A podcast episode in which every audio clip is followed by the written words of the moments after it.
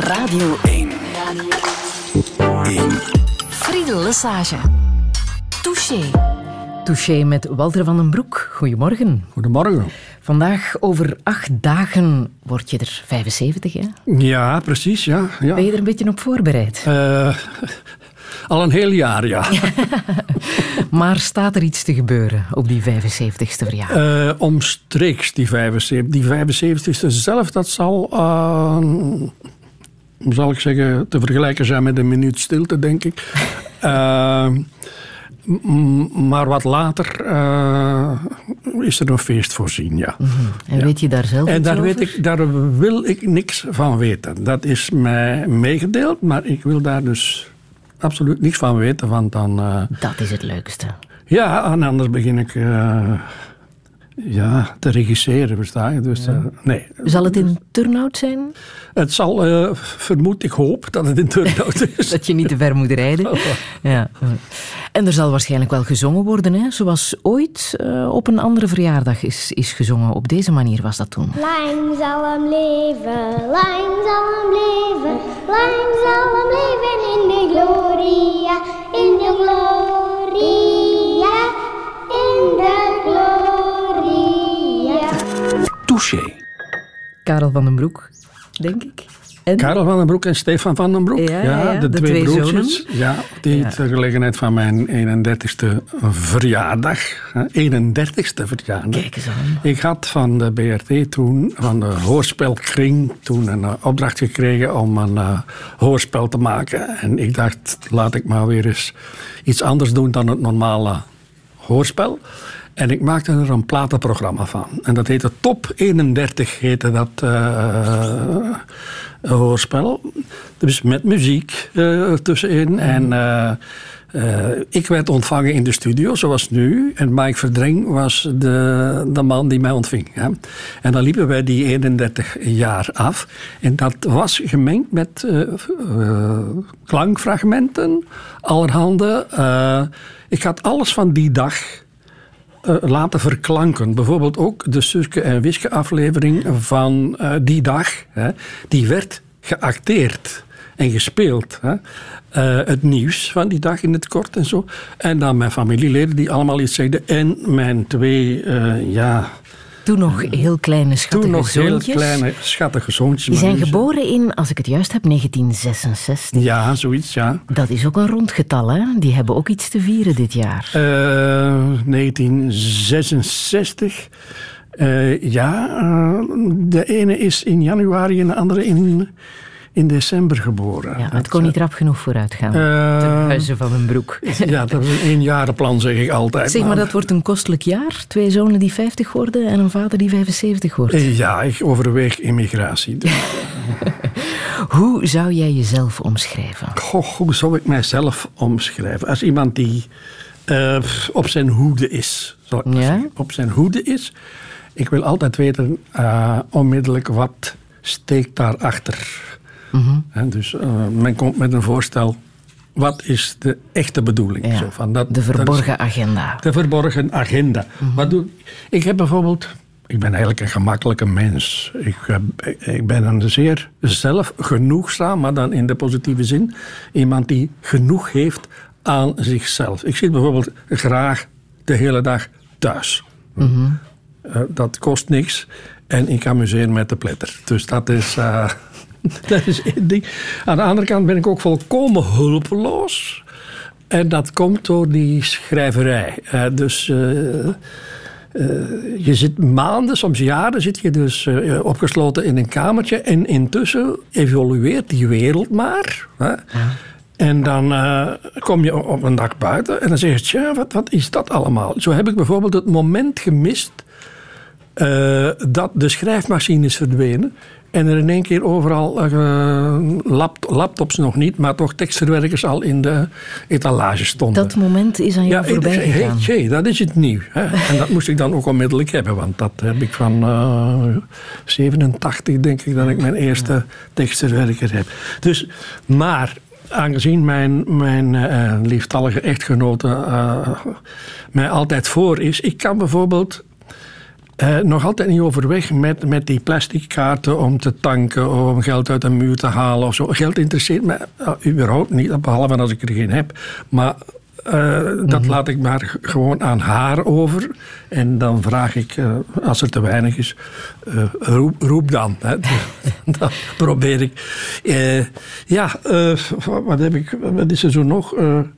ik ben dus honkvast, hè, trouw. Mm -hmm. Trouw. Mm -hmm. 40, 50 jaar zijn we getrouwd dit jaar, mijn vrouw en ik. Dus nog, nog een duurder jaar. Ja, ja. Nee, was vorig jaar. Uh, nou, dan denk je 50 jaar, dat uh, een halve eeuw. Hè. Kan tellen, hè? Dat, dat kan tellen, ja, ja. We hebben stof genoeg om over te praten, daar ben ik van overtuigd. Walter van den Broek, welkom in Touché. Radio 1. Radio 1. Friedel Lesage. Touché. Je suis le dauphin de la place Dauphine et la place Blanche à mauvaise mine. Les camions sont pleins de lait, les balayeurs sont pleins de balais. Il est 5 heures, Paris s'éveille. Paris s'éveille. Les travestis vont se raser, les stripteaseuses sont rhabillées.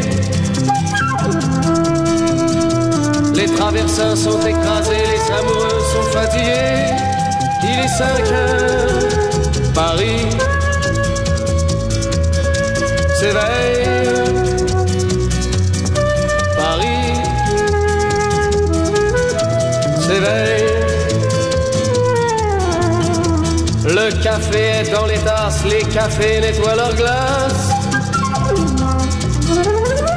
Et sur le boulevard Montparnasse, la gare n'est plus qu'une carcasse. Il est 5 heures, Paris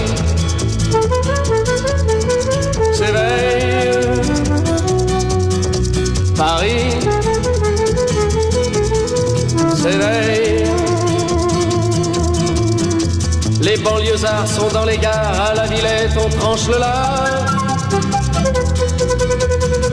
Paris by night regagne l'écart, les boulangers font des bâtards. Il est 5 heures, Paris s'éveille. Paris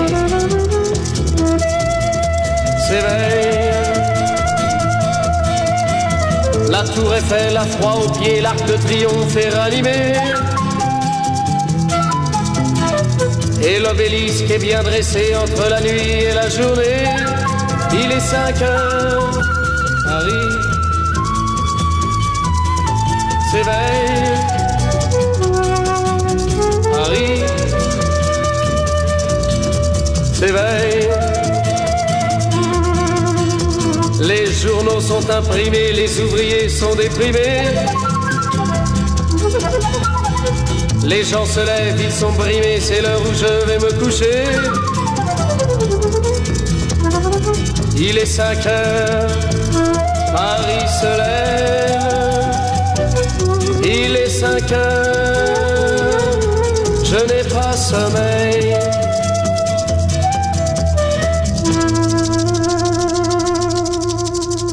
Jacques Dutronc en Il est 5 heures, Paris s'éveille. Touché. Walter van den Broek, het was eh, jouw keuze hè, om Jacques Dutronc te laten horen. Heb je daar bijzondere herinneringen aan? Uh, ja, in die zin. Eigenlijk uh, zijn er twee redenen voor. Uh, Parijs, dat is de lievelingsstad van mijn vrouw, om te beginnen. En het Paris CV, het, het wakker worden.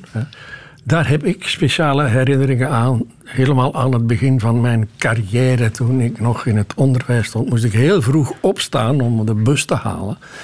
En dan merk je dat daar een heel andere sfeer in een dorp en in een stad hangt. Uh, dan allemaal mensen die vroeg moeten opstaan.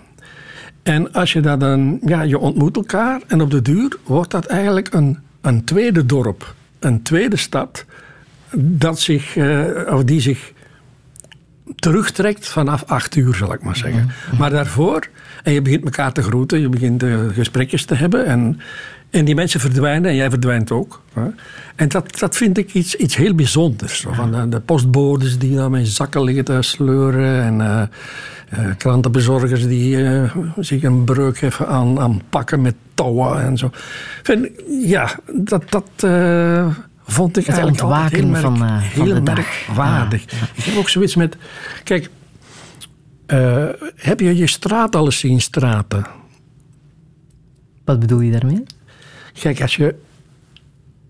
Als het heel stil is, maar bij mij in, in, in de straat kan het heel stil zijn. Hè, dan doe ik het raam open, heel stil. Gluur naar buiten en kijk naar mijn straat en daar is niks te zien behalve de straat. Ja. En die staat daar volop te glunderen als straat. Wat later, s morgens, beginnen de auto's te starten en iedereen vertrekt. En trekt die straat zich terug. Hmm. Zo van, het zijn alleen maar die auto's die passeren. Ja, ja. Ja, en s'avonds komt hij weer terug. Als alles rustig is. Het is een heel merkwaardige ervaring. Hè? Ja. En soms, soms ga ik eens stiekem kijken of ze er nog is. of ze er nog ligt. Ja. Nu, je was uh, leraar toen je begon te schrijven, hè, eind Ja. jaren uh, 60. Nu is er voor je 75ste verjaardag een uh, boek uit die periode heruitgebracht. Lang Weekend. Niet jouw echte debuut. Daar Nee, zat er eentje was, eh, voor. het, het officiële, het officiële eh, debuut. Mijn echte debuut heette De Troonopvolger. En dat wil je niet geweten hebben? Jawel, jawel, jawel. Maar het is een keuze van de uitgever. Dus die, eh, Dat dit het ja. echte Ja, ja, ja nee, dat, dat- die uitgevers, want er zijn diverse uitgevers van geweest van dat Mhm. boek, die, eh, die willen allemaal weten dat dat het, het debuut is. Ja. En ik ben te oud om me daar tegen te verzetten. Hè. Dus dit is het debuut. Maar dat andere eh, was, was een serieuzer boek. En dat had ik in eigen beheer uitgegeven. Dat heette De Troonopvolger. En dat, eh, ja, ik ga daar in mijn jeugdige overmoed duizend exemplaren van laten drukken. Hm. Daar heb ik er nog van. Ja? En, eh, maar die, die kosten nu meer dan toen. Ja. Eh, om- omdat je geen idee hebt wat je, wat je aan het doen bent, versta je? Maar waarom is dit nu heruitgebracht eh, voor je 75ste? Omdat je zelf ja, niks meer op de plank had liggen. aangekondigd dat, dat, dat ik mijn laatste boek had geschreven. Hè? En dat klopt in die zin dat het, als je ze allemaal op een rijtje zet, eh, dan is dat het boek wat helemaal achteraan moet komen, omdat ik eh, daar eigenlijk niks meer aan toe te voegen heb, als ik het levensbeschouwelijk bekijk. Hè. Eh, dat, eh, een boek heet De Vreemdelingen. En niet de vreemdeling, maar de vreemdelingen. En, maar dat betekent niet dat ik ophoud met, met, met, met schrijven. Eh, ben je dus nog aan het schrijven. Ik ben aan het schrijven aan mijn voorlaatste boek nu. Hè.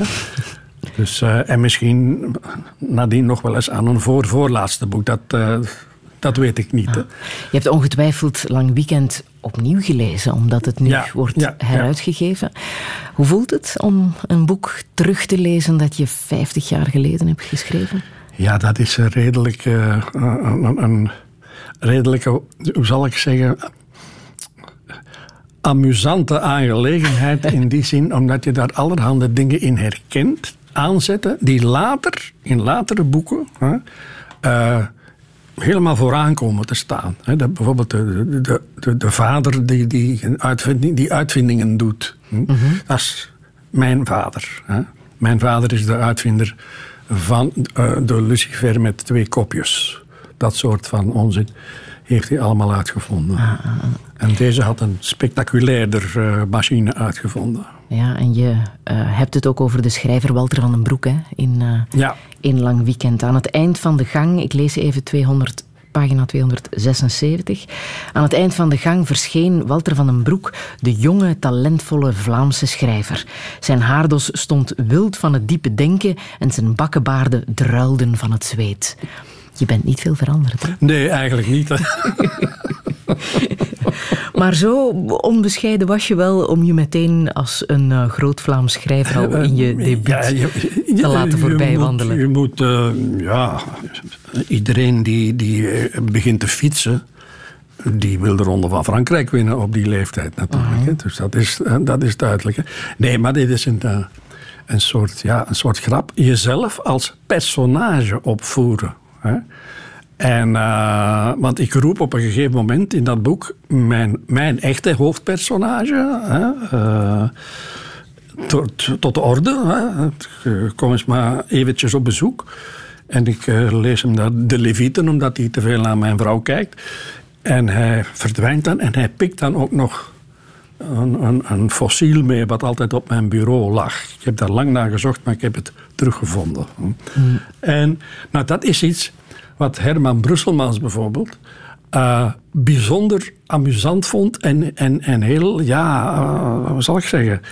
Hij, hij herhaalde dat geregeld in interviews van dat, dat dat voor hem een deur opendeed van kijk, ah ja, dat kan ook. Hè? En wie boeken van Herman Brusselmans leest, zal Herman Brusselmans daar geregeld als personage in tegenkomen. Hè? Ja, Dus, en eh, hij heeft ook het nawoord geschreven. Hij Hij, heeft- is jouw eerste en allergrootste fan, Ja. denk ik, Herman Brusselmans.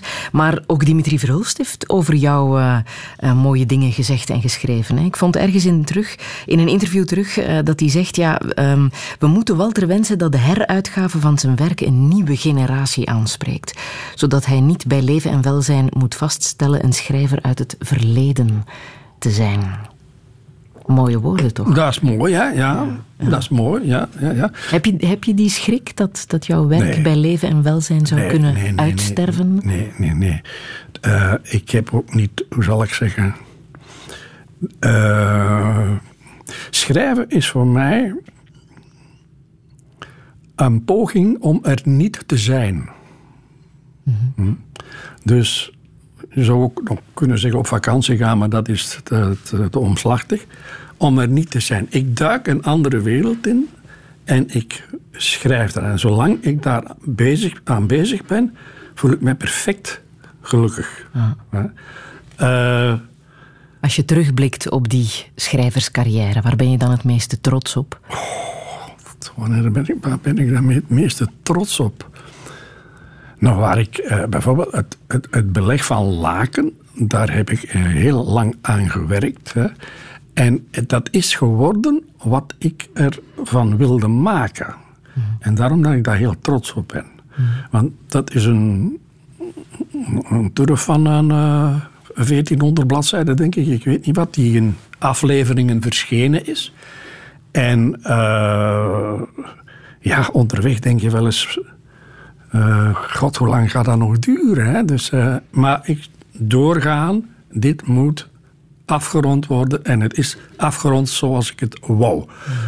Wat een lezer daar nu verder mee doet en aan heeft, dat weet ik niet. Maar ik vond het dus wel de moeite waard van die onderneming tot een goed einde te brengen. En die twee staatsprijzen, eentje voor toneel en eentje voor proza, heeft dat deugd gedaan? Uh, ja, dat doet deugd, natuurlijk. Ja, ja, ja, ja, ja dat, uh, dat doet deugd te meer, omdat dat... Uh, tegenwoordig heb je die, die, die commerciële prijzen. Hè? En dat... ja, daar zit veel meer geld aan vast. maar daar zit ook iets, iets, iets heel raars aan vast. Zo, daar zitten uh, sponsors die eigenlijk willen dat er boeken bekroond worden waarvan ze zeker weten dat ze daar uh, goed van gaan verkopen. Hè? Zo. Dat was nooit de, de, de bekommernis van een jury van een staatsprijs of een provinciale prijs of een. Uh, dat was een jury die samenkwam en, en, en ja, in het, in, het, in het diepste geheim uh, uitmaakte wie de prijs verdiende.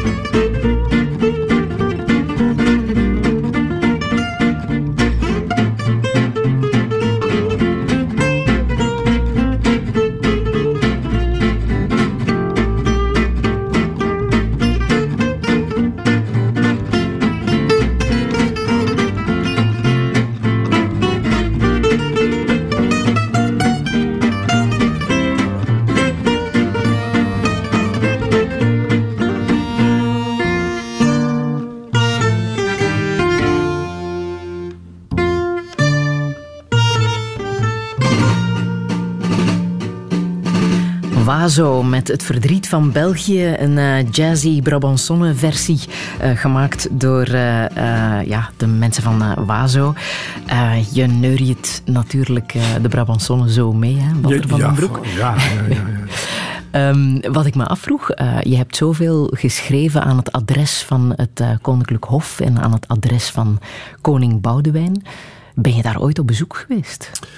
nee, Nee, nee. Nooit uitgenodigd Ik ben, ik ben één keer heb ik gebruik gemaakt van uh, de gelegenheid om de serres te bezoeken. Dat is zo elk jaar in mei, geloof ik. Ja, hè, dat staan de deuren open hè, van ja, uh, om de te, koninklijke Om even te gaan kijken of uh, de, dingen die ik had opgeschreven over het domein, of dat dat klopte. Hè. -huh. In zoverre dat het mogelijk was. En dus dat, dat, hebben, we, dat hebben we wel gedaan. En we hebben ook de hele 250 hectare dat het uh, telt, dat domein, afgestapt, mevrouw en ik. Ja. Om, uh, nou ja. Maar koning Boudewijn heeft jou nooit persoonlijk uitgenodigd, ondanks nee, de brief nee, die je wel, aan zijn adres hebt geschreven. Ik heb wel een, een briefje gekregen van zijn kabinetchef toen. Mm -hmm. En daar stond in dat ik bedankt was voor het mooie boek. En dat de koning het zeker zal lezen, stond er. Hè? Uh, of hij dat nu gelezen heeft of niet, uh, oh. dat weet ik dus niet. En die vraag die werd, uh, is ooit gesteld aan Herman Liebaas, de toenmalige hofmaarschalk. Hè? En dat was een, humo, een, een interview dat verscheen in Humo. En uh, Herman zei van, ja, wees maar gerust. Uh, want ik heb daar wel verveeld mee gezeten, zegt hij. Ik krijg dat boek op mijn bureau, ik lees dat. Hè, en ik denk, moet ik dat nu laten passeren of niet? En heeft hij dat aan zijn medewerkers rondgedeeld. Ja, en die, die vonden allemaal, je moet het laten passeren. Want als je het niet liet passeren ja, dan zou hij de, de stelling bevestigen uit dat boek, namelijk dat de werkelijkheid voor de vorst verborgen wordt gehouden. Ja, ja. Dus hij heeft dat dan gedaan. Later heb ik Wilfried Martens nog eens uh, ontmoet in een, het foyer van VTM, de enige keer dat ik ooit bij VTM was, na een programma uh, nou, eindejaarsoverzicht of zoiets. En dat kwam dan ook weer te sprake. Zou de koning dat hebben gelezen? En die was er van overtuigd. Ja, wees maar gerust dat hij dat gelezen heeft.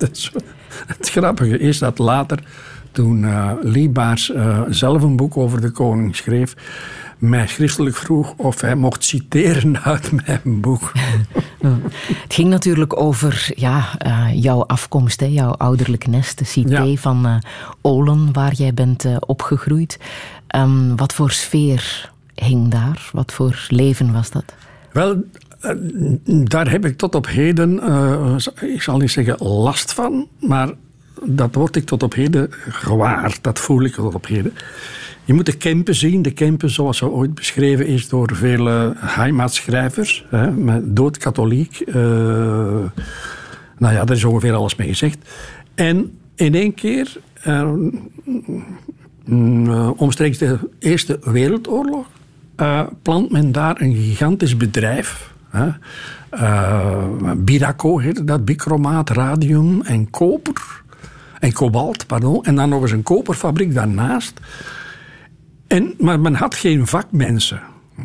En dus heeft men daar een cité gebouwd. 250 arbeidshuizen, arbeidershuizen, die voor die tijd erg progressief waren, want, want, met stromend water en elektriciteit en zo. Uh, en de bevolking van die cité, die was helemaal, die was niet eenduidig Kempers. Je had Kempenaars, maar bijvoorbeeld mijn moeder was een Duitser, die, die zat daar dus ook. Mijn vader is op de Filipijnen geboren, dus die, die, die zat daar ook. Ik zal één, één voorbeeldje geven. Uh, mijn, mijn moeder zei dat het koud was, mijn vader zei dat het uh, uh, koud was. Ja. Tegenover ons woonde iemand uit Herentals, die zegde dat het kaat was. Daarnaast iemand uit Geel, die zegde dat het keit was. En daar tegenover iemand uit Noorderwijk, die zegde dat het kuit was. Dus je ziet al in vier huizen vijf verschillende. En je kreeg in die, eh, eh, dat was ook niet helemaal ja, dat katholieke. eh, er waren geen andere ver- verenigingen dan katholieke verenigingen, fanfares en weet ik wat allemaal. Dus iedereen was wel bij zo'n vereniging aangesloten. Maar zo devotelijk was men eigenlijk niet. Hè? Eh, en die arme pastoor Jansen die heeft zijn leven lang moeite gedaan om die cité helemaal eh, ja, te kerstenen, zoals dat heette. Maar dit is hem niet echt gelukt. En eh, wij vormden eigenlijk een, een, een groep. Dat was het begrip solidariteit heb ik daar aan de lijve ervaren. Die Maar een groep, een groep waar jouw oudste broer toch... eh, Het is weggetrokken hè, in Ja, 1950. ja, ja, ja, ja, ja, ja. Ging hij richting Amerika. Ja, maar dat had deels te maken met een, een, een liefdesaffaire die eh, eh, verkeerd was afgelopen. En aan de andere kant een grootvader op de, in Florida, die nog in het Amerikaanse leger had gediend en daar nu van zijn pensioen zat te genieten. En die zei: Kom naar hier. Je kan hier ook soldaat worden, want mijn broer was beroepsmilitair. En je bent dan vooraan in de twintig en het is pas uit met je lief. Dan zeg je, Ik ben weg. ik ben weg. Dat heeft hij toen gedaan. Hoe heeft- erg was dat voor jou? Dat was heel erg, ja. Dat was, dat was heel erg. Ik had een bejaarde bewondering voor mijn broer. Hij was ook bokser. Hm? Licht pluimgewicht heette dat, ja. Eh, is ooit kampioen geweest, eh, pluimgewicht, bij, van het Belgische leger. Ik heb het nog ergens liggen, eh, het krantenartikeltje... waar hij zijn eigen luitenant in puin klopt. Dus... En... hij heeft ook sindsdien nooit meer slaag gehad dan toen hij kampioen was geworden. Want in elk café vroeg men... eh, kampioen, zullen we eens een... Boks nog eens. Hè, zullen we eens boksen? Zo van. Eh, maar ik vond hem ten eerste, ja, dat boksen, dat was eh, enorm. Dat was ook een, een knappe man. Hè. En, en hij had een zekere autoriteit over mijn vader. Want mijn vader en mijn moeder die hadden een huwelijk wat ja, ingewikkeld in elkaar zat. Nou ja, eh, dat zat vol ruzies. Die gingen altijd maar over één ding, dat was geld. Eh, moeder had geld, had dat geld nodig voor de opvoeding van haar kroost. En vader eh, had geld nodig om op stap te gaan op zaterdagavond. Ja. Eh, en daar ontstonden dan die Homerische ruzies waar ik dus doods, maar dan ook doodsbang van was. Ik heb moet je een knaapje van een acht, negen jaar, zit ik daar aan een tafel, vrezende dat ze elkaar zouden vermoorden, echt. Hè? En dan op een gegeven ogenblik, eh, nadat mijn moeder of mijn vader een kwartier lang had geperoreerd op zijn Latijns hè, en mijn moeder op haar Germaans, hè, werd het in één keer stil. En ik bleef wachten, want het kon altijd opflakkeren, zoals een, een vuurtje. En, en dan in één keer zei vader: Ellie, is er nog koffie? En dan ging er bij mij zo binnen in mijn lijf een ballon, die liep leeg zo. En dan durfde ik het huis uit. Maar als mijn broer in het weekend van het leger thuis kwam, dan was het eigenlijk innerlijk feest. Want dan wist ik dat mijn vader dat niet zou wagen. Die Er was een bokser in huis was op een- dat moment. had een bokser in huis. Dus eh, ja, toen hij dan vertrok, eh, daar waren wij niet, niet zo blij mee. Hè. Zeg maar, hij zit er nog altijd. Hij zit er nog altijd, hij zit in Mexico nu, hè, in, Cuer- in Cuernavaca woont. hij. En nu is hij hoe oud? 88 gaat hij worden, denk ik, in oktober. jij was een nakomertje, hè? Ja, ja. ja, Maar ik ben een, eh, zal ik zeggen, eh, product, mijn zus ook, eh, van een slordige lectuur van de boeken van Ogino Knaus. Ik weet niet dat u dat nog iets zegt, maar dat gaat over periodieke onthouding. Mijn vader of mijn moeder moeten die fout hebben gelezen. Dus ik weet ook dat ik, dat heb ik nagerekend, dat ik gefabriceerd ben eh, ter hoogte van Poperingen op de vlucht. Tijdens de oorlog? Tijdens de oorlog, 41. ja. Eh, in een of andere schuur, denk ik. Ik weet niet wat, want ja, wat was er anders te doen op die vlucht? Hè? Dus uh, dat heb ik uh, nagerekend, ja.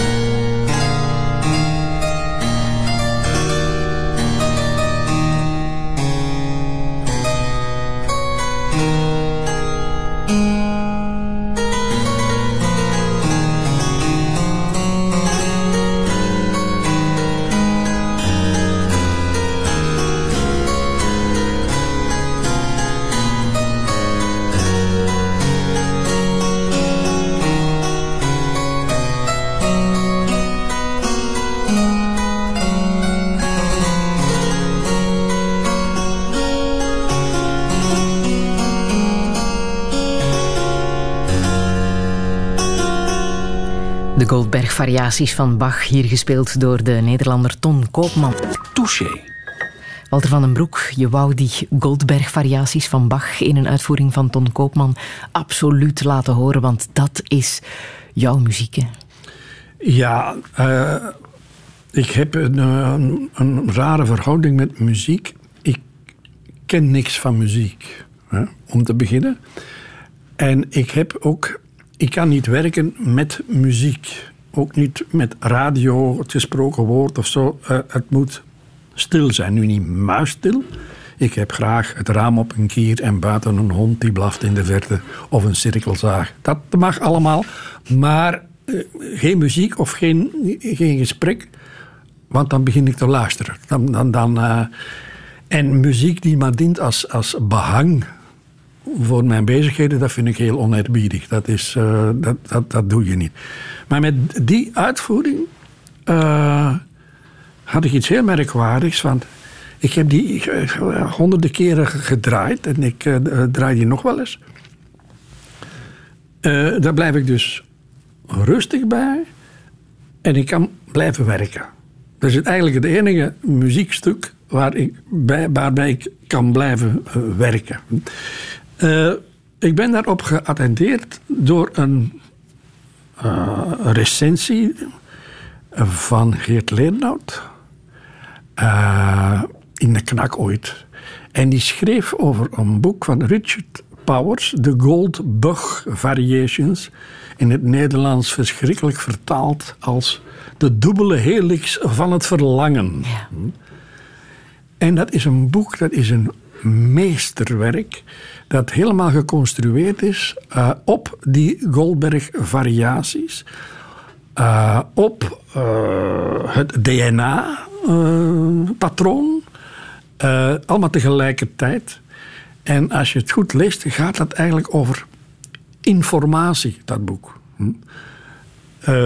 het begint met een, met een bibliothecaresse die op een bord een antwoord prikt op een vraag van een lezer. Dat is de hele eenvoudige overdracht. En zo gaat dat. Nou, dat is het. Die hele Richard Powers is dus ongelooflijk uh, schitterend. Hè. Uh, blijkt in Amerika zelfs uh, niet, zo, niet zo bekend. hij weet alles af van computers. Hij weet alles af van muziek. En hij heeft daar een dat mooie, wacht hoe het heet het in het Nederlands, heet het uh, Het Zingen van de Tijd. Ja, ja. Uh, prachtig dat is een, Nou ja, als ze dat hebben over Nobelprijzen, uh, jongens, kijk dan toch eens rond. Hè. Richard Powers. Ja, absoluut, absoluut. Ook William Faulkner is een groot voorbeeld voor jou, hè? Ja, maar ik geloof dat hij hem gehad heeft, ooit, de Nobelprijs. Ja, ja, ja. ja, ja, William Faulkner, 49. dat was een, een, een verrassing voor mij te vergelijken met die van Herman uh, ik lees voor het, het eerst een, een, boek van hem. Toen was ik nog op school. Uh, As I Lay Dying heet dat. een verhaal van een familie die het stoffelijk overschot van hun moeder de rivier over moeten krijgen. Maar al die personages hebben een hoofdstuk waarin ze aan het woord komen. Dus je hebt een soort wisselend vertelperspectief. Hè. Uh, en dat doet hij heel vaak. Er zit er ook uh, ergens een, een idioot in. Uh, wacht, hoe heet het? Hoe heet het? The, the Sound in the Fury. Dat begint met een hoofdstuk. En daar heeft een jongen het de hele tijd over een stok. En een, een balletje. En je weet niet waar het over gaat. Maar pas aan het eind zie je dat, die twee dat er twee mensen aan het golfspelen zijn. Mhm. Dus maar het, het brein van die uh, idioot, die, die kan, kan die link niet leggen tussen van, ah ja, dat is de bedoeling dat dat balletje in dat gaatje terechtkomt. Ja, Dat is schitterend gedaan. Dat is een, uh, nou ja, een grootmeester. Ja. Maar As I Lay Dying gaat effectief over die verschillende mensen die praten over de persoon die is mhm. overleden. is dat iets waar je zelf ook wel eens mee bezig ja, ja, bent? Ja, ja, ja, ja, zeker. Ik heb het uh, herhaaldelijk uh, toegepast. Uh, ik heb bijvoorbeeld een boek 382.000 en zoveel Jeff Gijs. Een boek uit negen hoofdstukken bestaande die je onderling kunt verwisselen. Mhm. Maar ik heb het over het idee dat verschillende mensen een oordeel vellen over diegene die net is gestorven. En of je daar zelf in je eigen persoon wel eens mee bezig bent. Hè. Je wordt nu 75. Ja. Uh, ongetwijfeld word je er 100. maar we moeten allemaal dood. Hè. Ja, dat is zo. Sta je daar wel eens bij stil? Dat, dat ja, heel veel mensen een oordeel over jou zullen hebben als je er niet meer bent? Ja, maar dat, daar lig ik echt daar lig ik echt niet van wakker. Nee, uh, nee, nee, nee, dat, dat, uh, dat hebben ze nu al. Hè? Dus, uh... Het zal zo zijn. Hè? De grote schrijver Walter van den Broek, daar zal iedereen zijn mening over ja, ja, hebben. Herman Brusselmans voorop. nee, maar daar, daar lig ik... Kijk, eh, het is niet mijn bedoeling. Ik ben niet dat soort schrijver dat gaat zitten, of ging zitten destijds, met de pen in de hand en zei van ik ga beroemd worden. Nee, ik was acht jaar toen ik begon te schrijven. Ik wou eh, boekjes schrijven die ik aan mijn vriendjes kon laten lezen, waar dat die plezier aan hadden. Hm? En dat was al. Hè. Dus eh, ze moesten me daar geen prijs voor geven of zo. of, eh, nee, nee. het, ik was altijd heel blij dat ik dat verhaaltje rondkreeg. En dan liep ik naar buiten. En jongens, nu... Dat, eh, ja. Daar is de schrijver in Walter van den Broek ontstaan. Ja, Ja. ja. Je had ook striptekenaar kunnen worden, hè? Ja, ja, ja, ja, ja. dat zat heb ik in. gedaan. Ook, dat was parallel van mijn achtste Mhm. tot mijn veertiende. Zo. En midden in zo'n verhaal, zo'n slechte imitaties van Looky Luke. eh, eh, midden in zo'n verhaal ben ik daarmee gestopt met het, in, het. Hè? Mhm. ben ik gestopt. Ik was toen 14 ja, toen kwamen de meisjes in mijn leven en toen vond ik dat in één keer heel kinderachtig. Zo. En dan heb ik dat terzijde geschoven. En ik heb ze nog altijd. Dus, Ah, ja. Maar het kantoortje spelen, dat, dat heb je altijd behouden. Ja, aan ja, een ja, bureau ja, ja. zitten. God, en... God, God. God, ik herinner mij, dat staat mij glashelder voor de ogen. Ik zat in Herentals. Eh, het was heel koud, de koude winter. Ik zat bij het raam. En eh, ik keek naar buiten en ik zag werkmensen daar met de fiets, fiets naar hun werk rijden of ingeduffeld en dan eh, iets aan de elektriciteitspalen doende. Eh, dat ik dacht van, dat vind ik toch niet plezant. Ik zou liever willen binnenzitten hè, als, om mijn brood te verdienen. En mijn oudste broer, Staf, eh, die werkte op de fabriek als eh, jongste bediende. En die bracht mij geregeld versleten stempelkussens mee, versleten stempels. Hè. En wij hadden zo'n zo'n zo'n kastje. waar- daar maakte ik dan mijn bureau van. En ik schreef nota's en stempelde die dan altijd. Dat afstempelen, dat was dan... eh, we hadden ook een clubje. En ik was onmiddellijk de archivaris. Later hadden we een, een, een studentenclub. Ik was onmiddellijk de archivaris. Ik trok dat altijd eh, naar mij toe. Dat, dat eh, kantoortje spelen, dat was En dat heb je nog altijd. eh, ja, want ik schrijf het bijvoorbeeld altijd op papier wat aan één kant, aan één kant al gebruikt is. Hè. Dus ik zou... nou ja, en als dat maar half gebruikt is, dan scheur ik dat en maak ik daar een soort bloknot van. Zo, van met, een, met een klem. Ja, hè. Eh, potloden. Ik schrijf met potlood, zoals je weet, de eerste versie van mijn boekwerken. Eh, die schrijf ik op totdat ik er dat ik er niet meer kan vasthouden. En dan heb ik zo een buisje waar ik dat eh, stompje in wurm. En dan schrijf ik verder tot het helemaal op is. Hè. Een oorlogskind. Ja, ja, ja, ja. ja. Want je, je zegt daar iets. eh, maar goed, daar gaan we het straks over hebben. eventueel.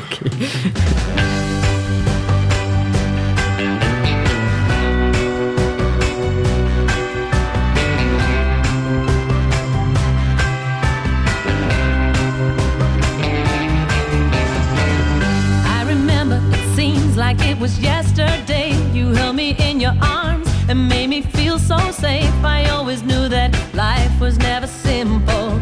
You gotta let me go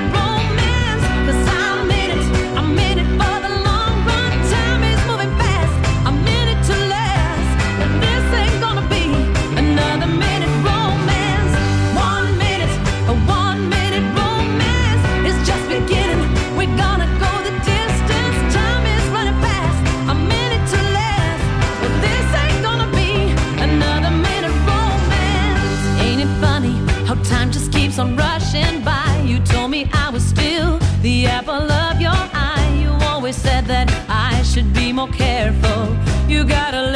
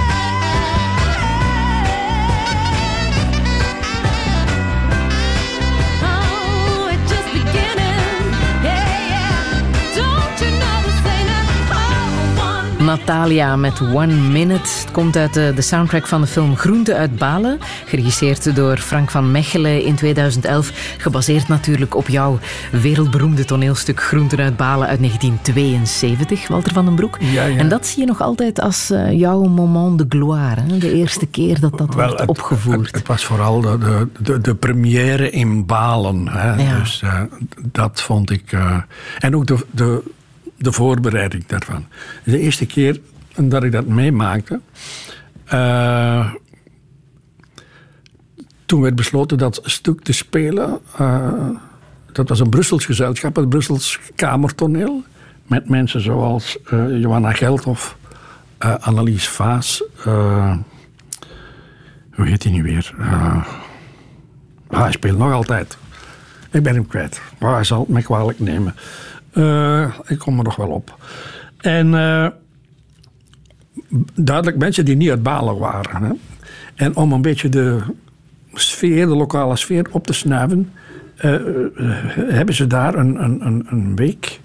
zijn ze daar een week gaan repeteren. In het zaaltje waar de première zou doorgaan. Dat was een... een, een volkshuis achteraf zaaltje waar in 15 jaar niks meer was gebeurd. En eh, wat daar gebeurde tijdens die repetities van die acteurs, die legden contacten met de mensen van, die in het café van dat volkshuis eh, aanwezig waren. En die wisten dat dat stuk daar eh, ging gespeeld worden. Maar tegelijkertijd had je daar ook nog een aantal van die stakers. Want het stuk speelde een jaar exact na de staking dat het werd opgevoerd. En eh, stakers van het jaar tevoren, die bouwden de decors.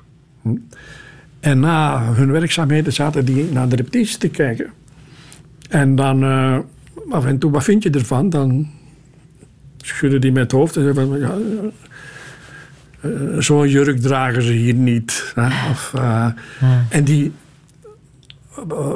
ja, die, die, die eh, zal ik zeggen, gaven dat mee vorm, hè? de vorm die zij van theater verwachten. hè. Dus koffie bijvoorbeeld moest dampen op het podium. Dus ze zitten die achter het podium, ze minuteerden dat van ja, nu opzetten en nu enzovoorts. Nou, dan had je die première. eh Jeff Sleeks. eh, daar, daar konden 220 mensen in die, in, in die zaal. En Jeff Sleeks had daar 420 kaarten voor verkocht. Eh, ik heb daar nog staankaarten van. Hè, van eh, ja, en dat heeft daar dan achteraf tot een, tot een uur of vier heeft dat daar geduurd. Ik zelf heb de première rechtstaande meegemaakt, achter de toog, helemaal Ja, achter. ja. Ja, dus eh, nou, dat was een... Ja, het feit dat ze daar dan achteraf ja, duizend voorstellingen van hebben gespeeld, twee keer eh, tv-spelen spe- eh, van, van gemaakt hebben. En een verfilming. Een, ho- een hoorspel en dan nog eens die verfilming. Maar ja. Dat is niet slecht, hè? Ja. Jouw eigen favoriete film is eh, van een heel andere orde, hè? Dat is Citizen Kane. Ja, dat is eh, een geweldige film. Uh, ook, ook weer omdat je daar een wisselend vertelstandpunt in Mhm, hebt. Hè.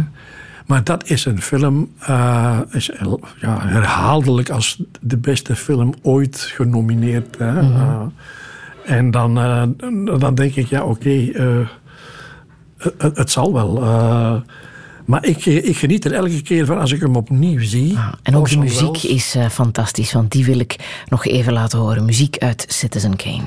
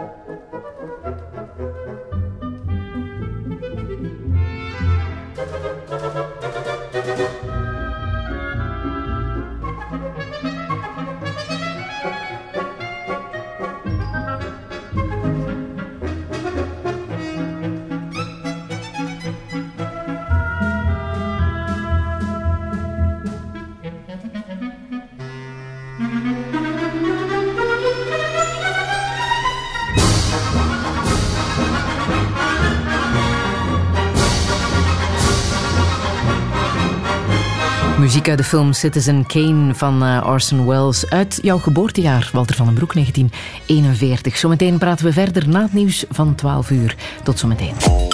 Radio 1. Radio 1. Friedel Lesage. Touché. Touché met schrijver Walter van den Broek. Over acht dagen wordt hij 75 en dat viert hij met de heruitgave van zijn officieel debuut Lang Weekend. Vijftig jaar nadat hij het schreef staat het boek nog altijd overeind. Maar het liefst zit de schrijver thuis in zijn zetel om zelf boeken te lezen of tv te kijken. Nergens beter dan thuis. In het geval van Walter van den Broek is dat nog steeds de Vrijheidsstraat in Turnhout. Hoe bekijkt hij de huidige politiek en de jeugd van tegenwoordig? En hoe is het om anno 2016 ouder te worden? Dit is Touché met Walter van den Broek. Een goede middag.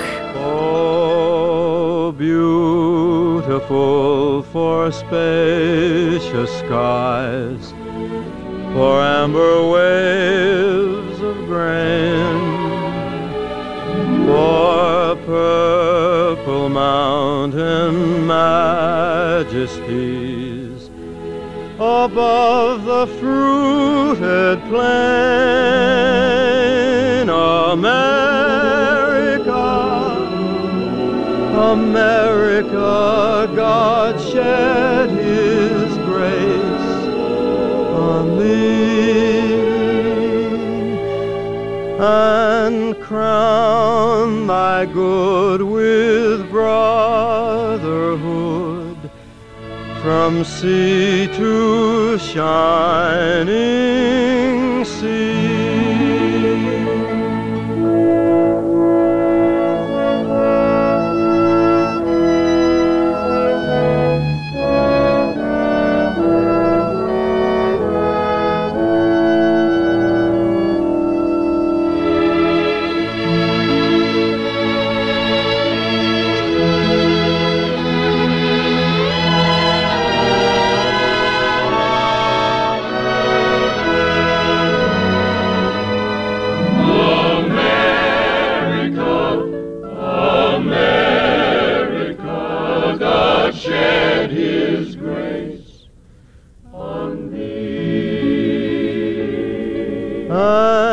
Crown thy good with brotherhood from sea to shining sea.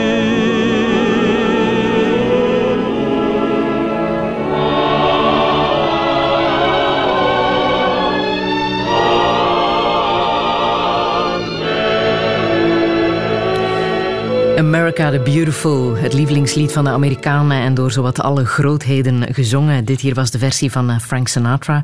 Walter van den Broek, je volgt een beetje de verkiezingsstrijd uh, om de presidentsverkiezingen in, uh, in Amerika? Ja, ja, ja. ja. kan er niet omheen. Je kan er niet omheen eigenlijk, hè, maar uh, ik volg het wel met, met interesse. Ja. ja. Hoeveel presidenten heb jij ondertussen meegemaakt in jouw mooi lang leven? Oeh, oeh, oeh wacht hoor.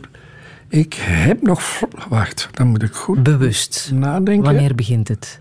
Uh, in 41. Toen leefde uh, Roosevelt nog. Ja. Truman, die heb ik uh, meegemaakt. Ja. die ging bij ons in huis. Mijn vader was een geweldige Amerikanofiel. Wegens, ja, mijn grootvader die in Amerika zat en zo. Ja, en hij heeft daar ook nog een jaar gezeten. Enfin, dat bespaar ik je. Uh, Truman, wat had je na Truman? Had je geloof ik uh, Eisenhower na de oorlog. Hè, dat was een generaal geweest. En Eisenhower, ik geloof dat hij twee, twee termijnen gedaan heeft. Nou, Eisenhower, wie had je dat toen? Het lijkt wel een quiz, maar wie was jouw favoriete president? Uh, dat, ja, dat was, dat, dat was, in die tijd was dat Kennedy uiteraard. -hmm. Kennedy, dat was een toen, toen die ten tonele verscheen, dat, dat, was de periode dat ik bij het leger moest en er echt een, een, een, een soort uh, uh, ja, uh, oorlog zat aan te komen. En ik dacht, lap, het zal mij maar weer gebeuren. Ik moet naar het leger en het wordt oorlog. maar gelukkig, het is niet zo ver gekomen. Die Kennedy, zijn tegenspeler was Khrushchev, de, Rus. En die bracht dan een, bezoek aan Berlijn. En uh, daar, sprak daar de histori historische woorden: Ik ben een Berliner. Vandaag zouden ze zeggen: Je suis Charlie. Maar dat was: Ik ben een Berliner. Uh, dat betekende: Ik laat dat dus niet los. Hè? Khrushchev.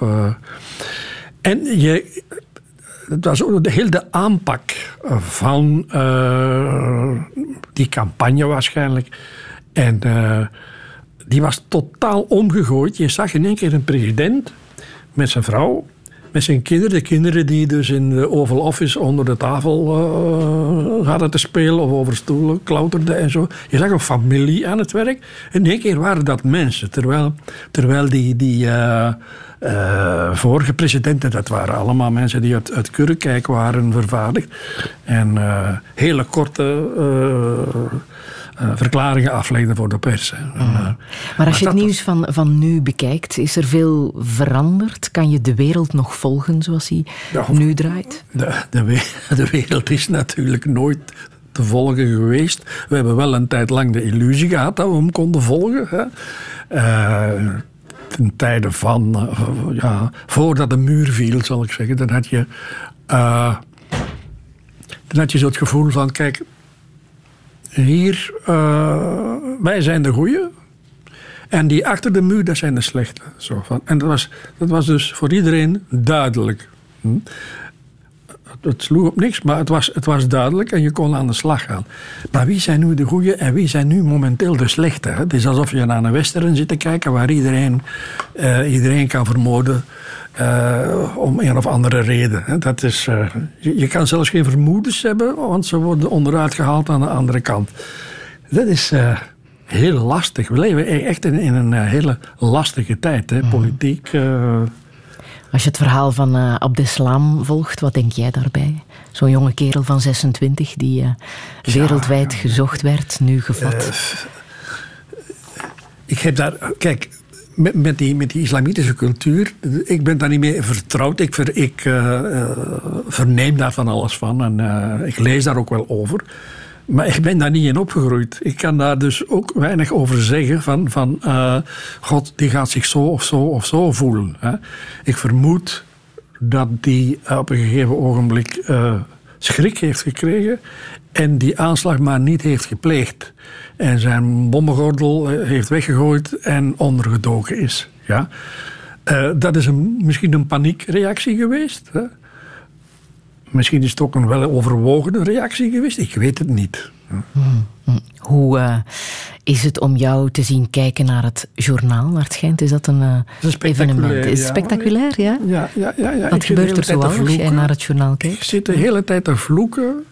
Uh, nogal eens op nieuwsuitzendingen. -hmm. Met stand-ups, bijvoorbeeld. Ja. Stand-ups. We gaan nu over naar... Hè. Is er al iets te zien? Nee, er is nog niets te zien. Mm -hmm. Dan vraag ik mij af... Wat staat dat meisje daar uh, drie uur in de kou om te zeggen dat er nog niets te zien is? Hè? Dat hadden ze in de, studio, in de studio toch ook even kunnen zeggen. Hè? En dan denk ik, ja, wat, wat, is dat nu weer allemaal? Dan kijk jij liever naar de koers. naar koers kijk ik heel, uh, heel graag. Uh, bijvoorbeeld het, het, het, veldrijden in de winter vind ik uh, schitterend. Dat duurt ook maar een uur, hè, dus dat gaat er niet te veel van mijn ja. tijd af. En en waarom van, zie je dat zo graag? Uh, voor de landschappen. Ja, vooral Belgische koersen. Hè, dan zie je hoe mooi dat, dat lelijke België is. Met die golfplatendaken en die, ja, god. Echt, ik, iedereen zegt daarvan, ja, dat trekt op niks. Ik vind dat schitterend. En aan de andere kant vind ik even schitterend die mooie plaatjes uit, uit, uit, Frankrijk. Hè, met, met pressen en uh, baaien en, en zeiljachten enzovoorts. Die zo terzijde te zien zijn. -huh. ik volg de hele ronde van Frankrijk, maar vraag mij twee dagen later niet wie hem gewonnen heeft. Dat interesseert me Daarover gaat niet. het niet. Van, ja. Je kijkt ook graag naar thuis. Ja, ik ben de, van, van aflevering 1 heb ik uh, thuis uh, bekeken. Ja. ja. En waarom? Wel, dat was ja, een beetje uit professionele belangstelling. Uh, bij VTM waren ze al vroeger begonnen met familie. Hè. En ik wou weten van, kijk, goh, ik geloofde dat niet. Zo'n een, een Vlaamse soap. Hè. Ik dacht, hoe, hoe doen ze dat? En we hadden een tijdje naar gekeken. Dan kwam thuis, hè, waar ik meer affiniteit mee had. En uh, ja, ik ben, ben, gewoon blijven kijken. Mm -hmm. En ik heb iets heel raars ontdekt eigenlijk. Een soap, zoals thuis, zegt meer over het leven dan een roman. Want een roman is een, is een constructie die aan het einde af is. Hè. Maar in een soap leeft iedereen in de onzekerheid. Niet alleen de toeschouwer thuis, maar ook de acteurs en de actrices die meedoen. Die vragen zich af als de post komt met hun nieuwe scenario. Zit ik er nog in? Met andere woorden, leef ik nog? Hè? Ja. Dat vind ik echt heel spannend. Zo van, uh, en wat mij dan amuseert is, uh, soms uh, waaiert hij uit en komen er te veel personages. En dan moet er iemand wissels trekken. En uh, een aantal personages elimineren, want uh, op den duur kun je het niet meer met elkaar houden. Zo, om de zoveel jaar wordt er een, uh, een grote schoonmaak gehouden. Zo. Ja, zoals de laatste plotwending, waarbij het jongetje Lucas om het leven is ja, gekomen ja, door sabotage ja, van de camionet. Ja, ja, ja, Vind je daarvan? Goeie plotwending? kijk, dat zijn, dat zijn van die... Ja, ze zijn niet altijd even, even gelukkig, dat zeg ik niet. Uh, maar er zijn van die plotwendingen uh, waar uh, heel normaal wordt gedaan over dingen waar de bevolking eigenlijk nog altijd problemen mee heeft. Ik denk iets zoals wat als ze nu weer gaan proberen met die transgender. ik vraag het mij af. Ik vind het heel, heel moedig. En, en, en heel, uh, heel gewaagd. En ik ben echt, echt benieuwd. Want ze hebben het destijds gedaan met de, de homofiele zoon en zo. En dat. Men verloor geen kijkers. Dat mm -hmm. is wel veel betekenend. Ja. Wat ze met het Vlaamse volk kunnen doen. doen. Ja. Dus eigenlijk, ik geloof dat het Hopkins was die dit ooit zei. Als je mensen iets wil leren, moet je doen alsof ze het zelf gevonden hebben. Ja. En dat zit zo'n beetje in, in thuis.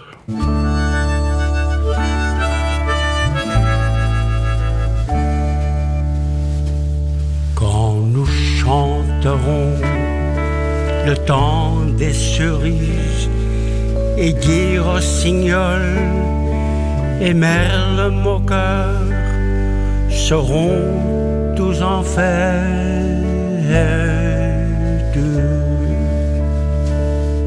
Les belles auront la folie en tête et les amoureux du soleil au cœur. Quand nous chanterons le temps des cerises, sifflera bien mieux le merle moqueur. Mais il est bien court le temps des cerises où l'on s'en va de cueillir en rêvant des pantons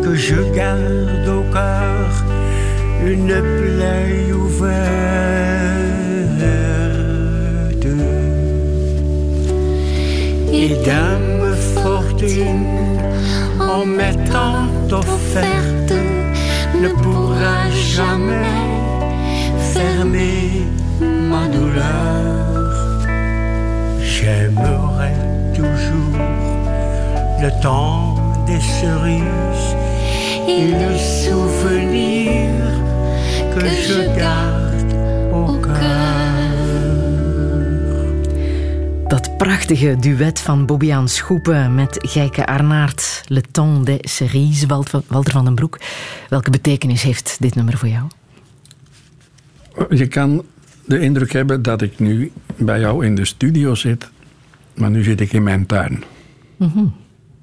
In mijn zomerse tuin van een aantal jaren geleden.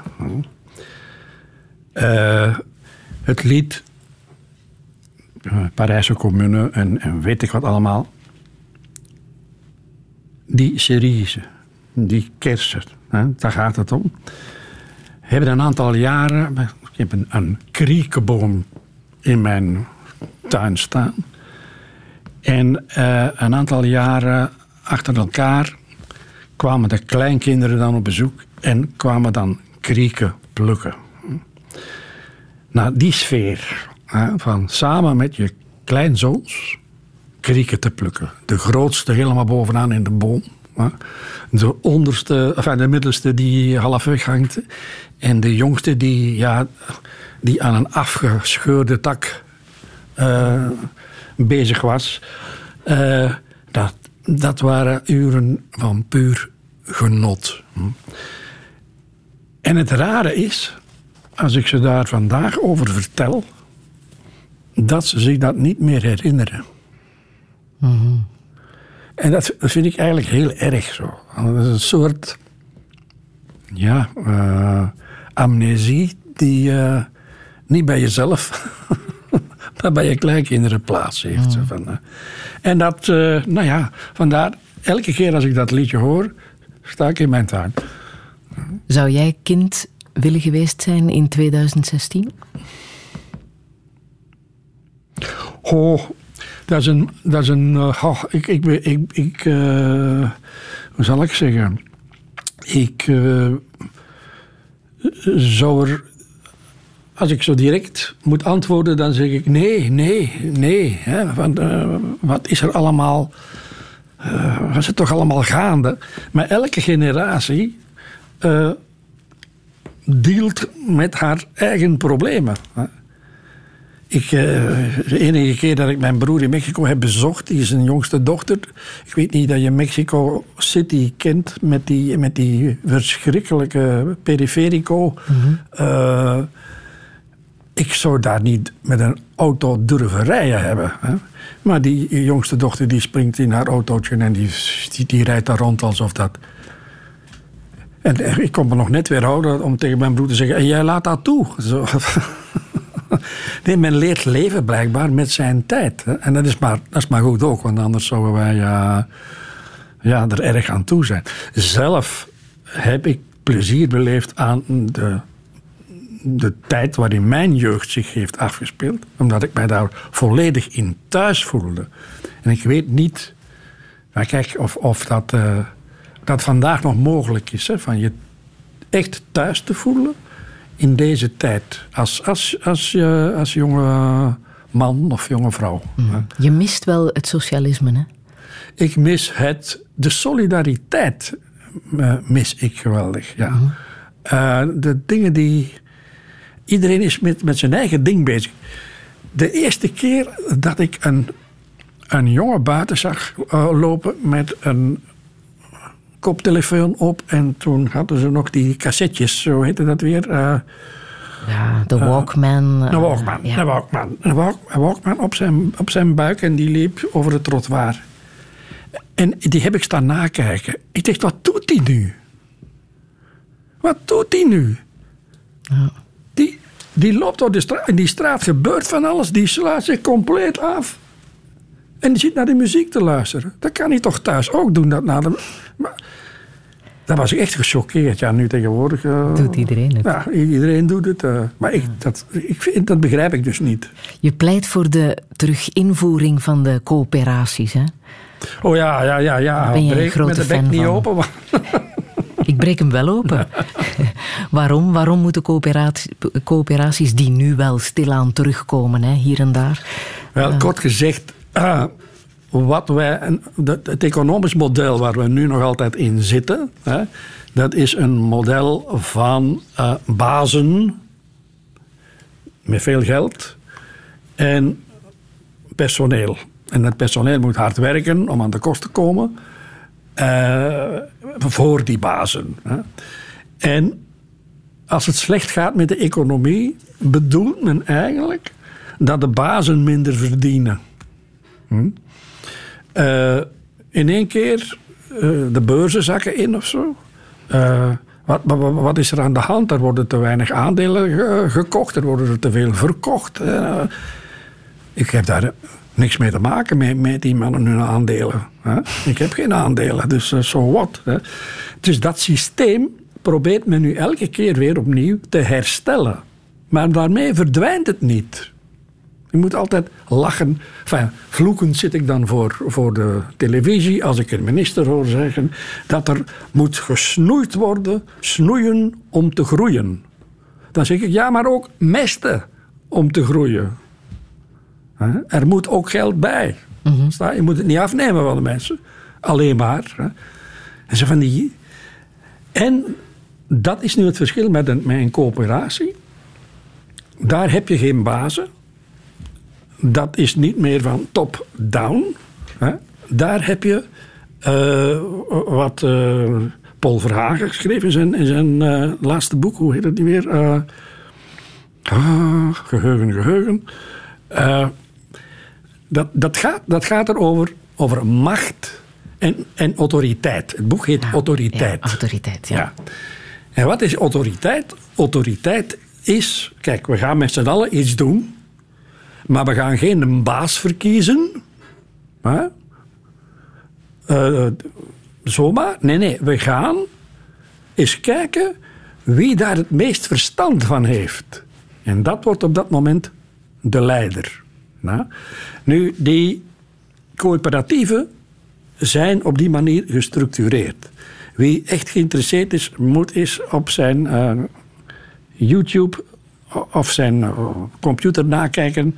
Uh, het wonder van Mondragon. Dat is een documentaire geweest een van documentaire, VPRO, tegenlicht. tegenlicht van de VPRO. Ook de, onze can Canvas heeft, heeft, hem, heeft hem ook gebracht. En We zetten een link op, op onze website. Daar zie je dus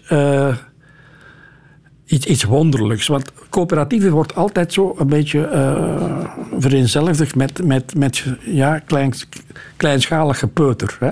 Nu is dat als kleinschalige peuter begonnen. Een pastoor na de oorlog met vijf studenten. en die beginnen een bedrijf ja, voor keukengerief, messen, pollepels, uh, weet ik wat allemaal. Dat is vandaag uitgegroeid tot een bedrijf van 120 uh, coöperatieven, waar dat 89.000 mensen werken. Ja. Dat uh, bedrijf heeft een bank, maar daar doen ze hun eigen bankzaken. Hè. Een bank, een universiteit, een ziekenhuis, scholen en dan productiecoöperaties.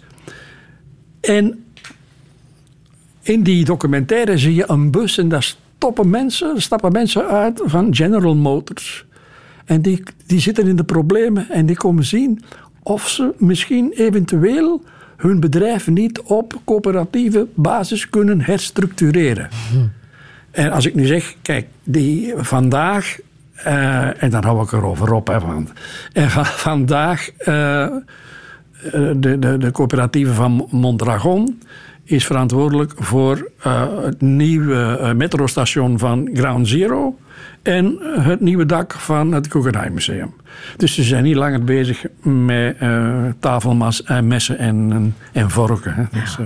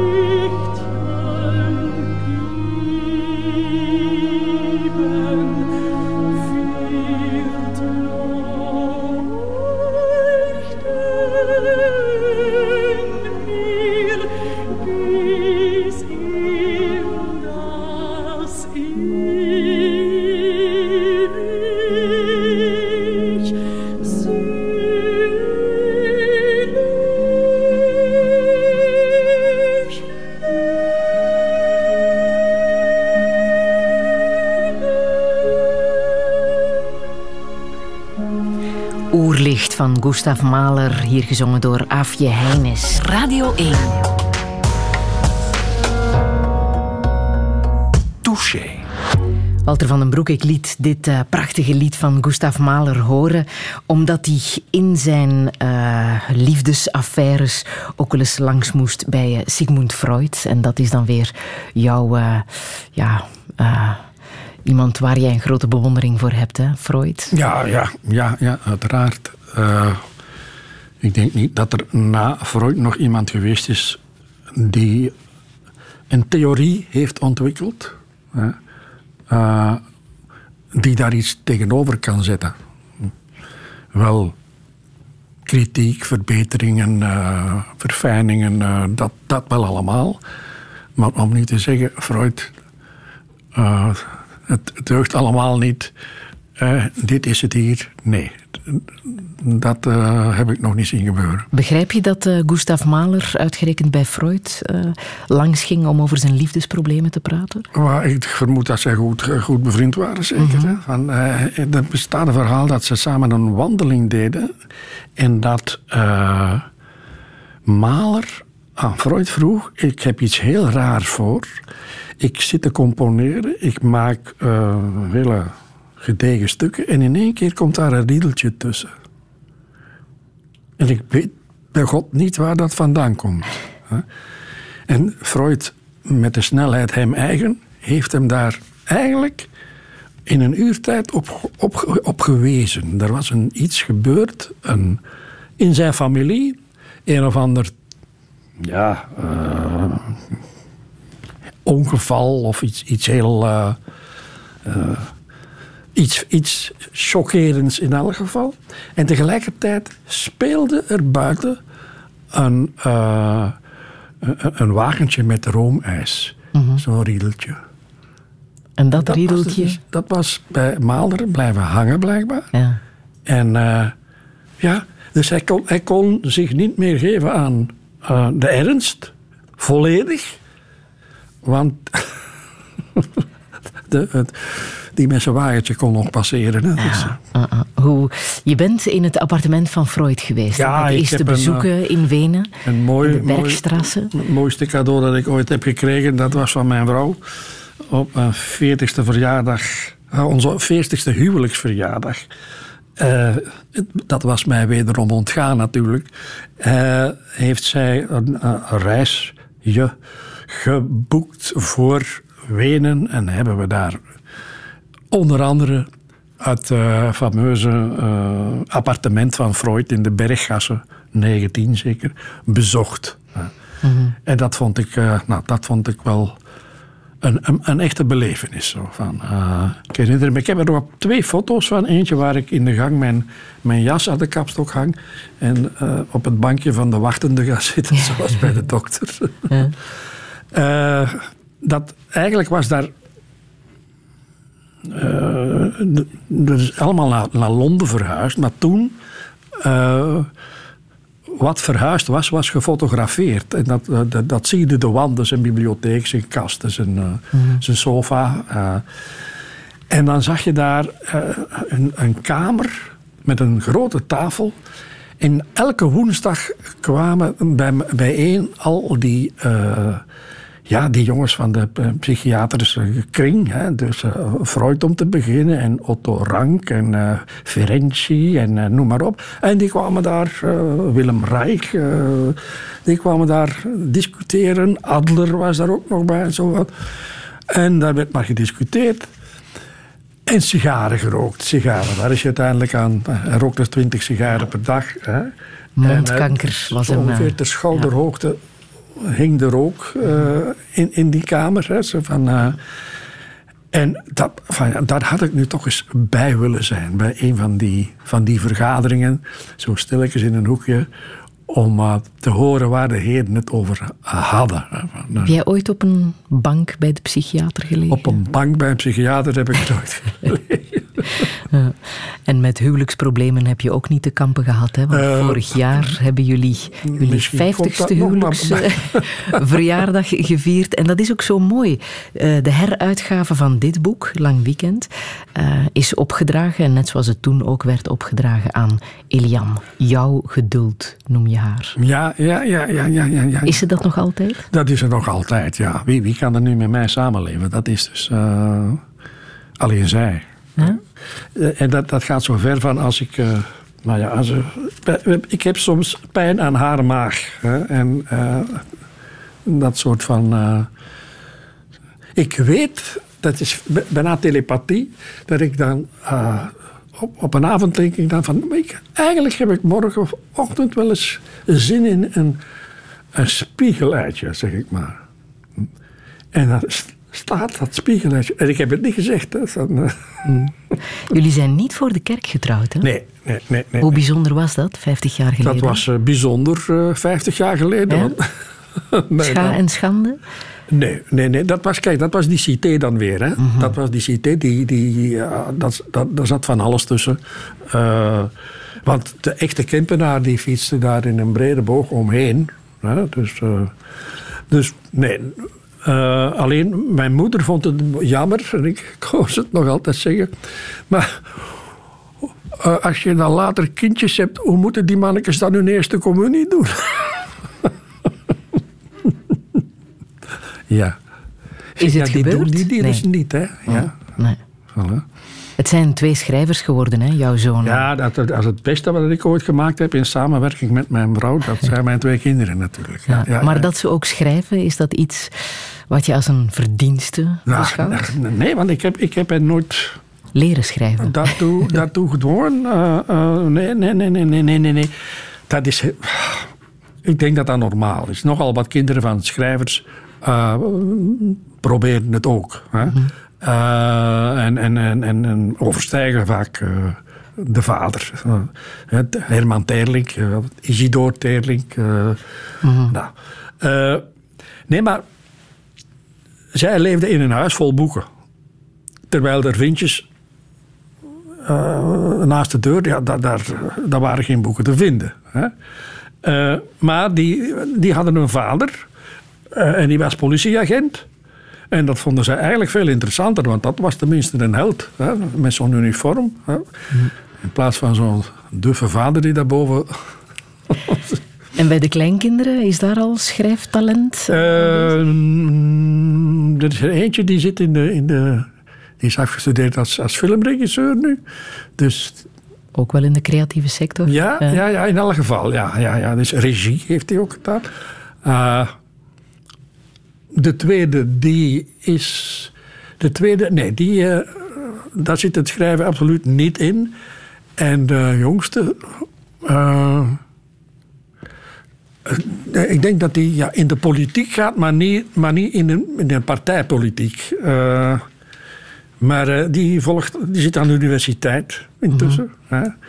Eh, intussen zijn die kleine jongetjes die je daar straks hebt gehoord... van die lummels geworden van 24, eh, 22 en eh, 18 of zoiets. Hè. Eh, nou ja, eh, maar... ehm, nou, dat zijn... eh, alleen, ze wonen in Gent. Hè. En er is een endfietsen vanaf Turnhout. en eh, ik zie ze veel te weinig. En hun taal is dus ook een. eh, ja, het begint op een keelziekte te gelijken, want ik begrijp ze bijna niet meer. Zo. Hè, dus. eh,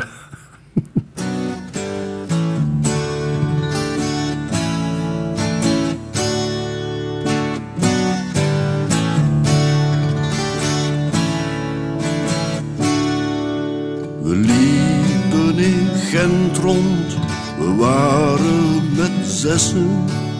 We kwamen van nergens, gingen nergens naartoe. Vanaf de terrassen, in de koffiehuizen, bekeken we de mensen en hun drukke gedoe. We liepen met ons hoofd in de wolken en werden dan wakker met honger en dorst. En iedereen riep, kijk daar loopt de fanfare. De fanfare van honger en dorst. De fanfare van honger en dorst.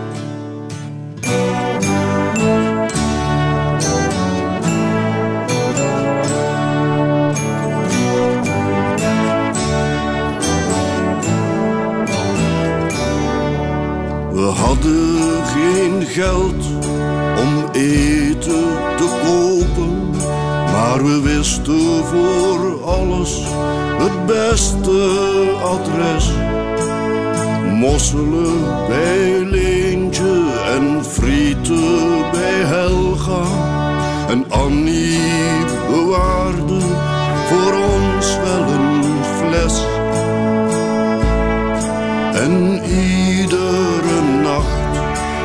net voor het slapen, de laatste vijf frank in Eddie's shoebox.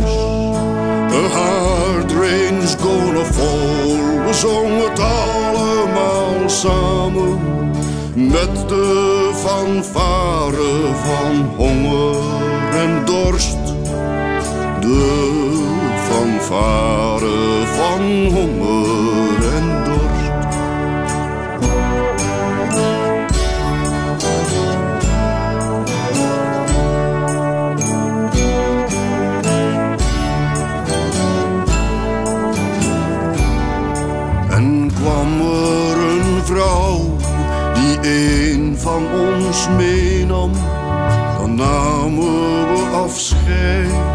en zegden vaarwel. De fanfare trok verder met minder leden, de toon in mineur, we begrepen dat wel. Maar er was nooit een vrouw die mooier kon zingen dan onze fanfare van honger. En het duurde nooit lang of we waren weer samen met de fanfare van honger en dorst. De fanfare van honger en dorst. Jan de Wilde met de fanfare van honger en dorst. Walter van den Broek, je hebt zelf ook zo'n fanfare, begrijp ik. Opnieuw hebben we zo'n fanfare. Hè? Ja? Ja, ja, ja, dat is het uh, uh, Turnouts Epibreer uh, genootschap. Ja. Dat één keer in de maand op een geheime plaats samenkomt. Het is een heel select gezelschap, bestaat maar uit zes leden. Hè? En daar wordt in de beslotenheid van één kamertje de wereld nog eens hervormd. Meestal mm. gebruiken wij daar uh, kogelpennen bij en uh, bierviltjes. en dat komt nog altijd samen? Dat komt nog altijd samen, ja. ja, ja, ja. Dat, uh, elke tweede woensdag van de maand, om, omstreeks 11 uur, krijgen ze een bericht van Hogerhand, heet dat. Niemand weet precies wie Hogerhand is. en ja, krijgen ze een uitnodiging. Hè, en, ja. Gemiddelde leeftijd van het gezelschap? Dat zal zo toch iets van een... Uh, oh, ik zal mild zijn, vijf, 65 zijn of zoiets. Dan ben jij een van de ouderen ik ben, ja, ja, ja, ja, ik, ben een, ik denk dat ik de oudste ben. Ja. Hoe voelt het fysiek om 75 te worden? Uh, fysiek gaat dat nog, ja, fysiek. dat... Uh, maar ik ben nooit zo een sportman geweest. Dus ik kan ook niet, uh, hoe zal ik zeggen, aan de lijve ondervinden uh, of mijn vorm achteruit gaat, hè, zoals dat heet. Of ik trager loop of, of sneller loop. Ik loop gewoon. Hè, nou, maar ik mag nog alles eten, zou mijn vader zeggen. Wat ook niet slecht is natuurlijk. Maar je ziet je generatiegenoten wel verdwijnen. Ja, ja, ja, ja. en dat is... Dat is uh, kijk, je ziet je wereld verdwijnen. En je komt, dat is het lastige van, van, van, van ouder te worden. Je komt terecht in een nieuwe wereld. Ik vergelijk dat altijd met schijfjes van een salami of, een, eh, of van worteltjes. Zo. Van elk, elk schijfje is een generatie. Hè.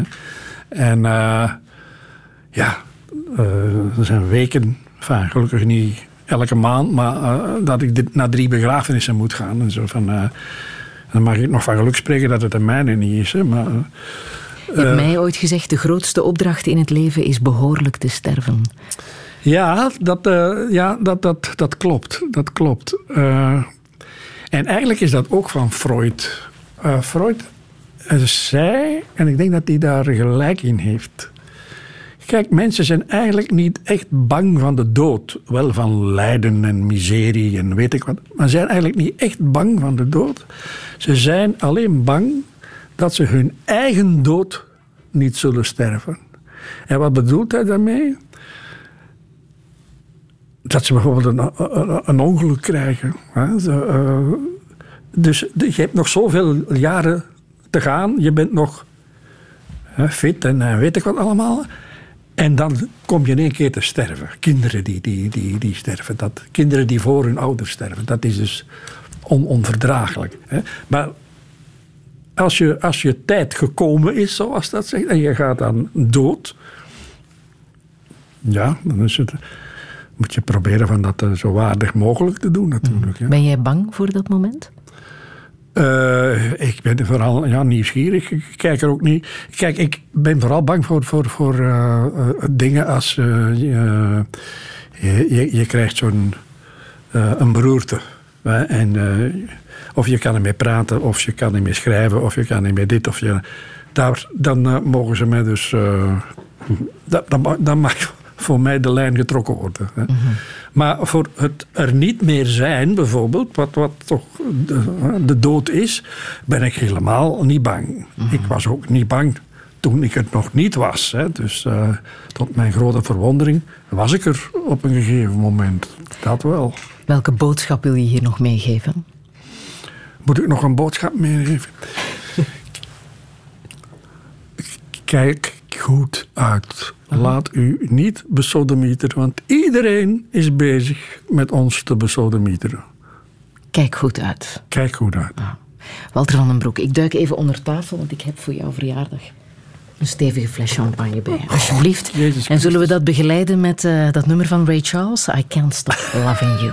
Nog eens proficiat, Walter van den Broek. Dank u. can't stop loving you. I've made up my mind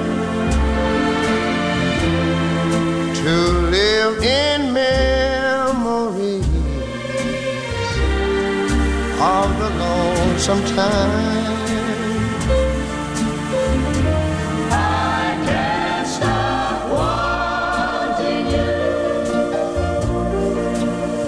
Useless to say. So I'll just live my life in dreams of yesterday. Dreams of yesterday. Those happy hours that we once knew. Though long ago, it still made me blue.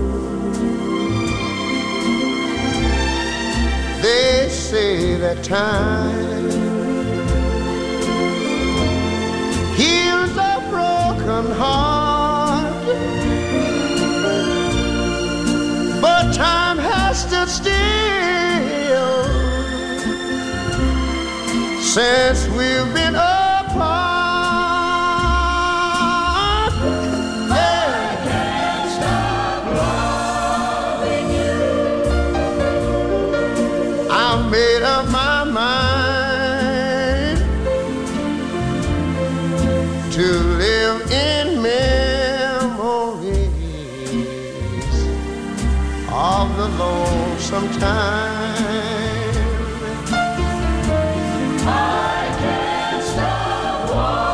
Rail Charles en uh, I Can't Stop Loving You. Dankjewel Walter van den Broek voor uh, het fijne gesprek en uh, geniet van die 75ste verjaardag. Touché.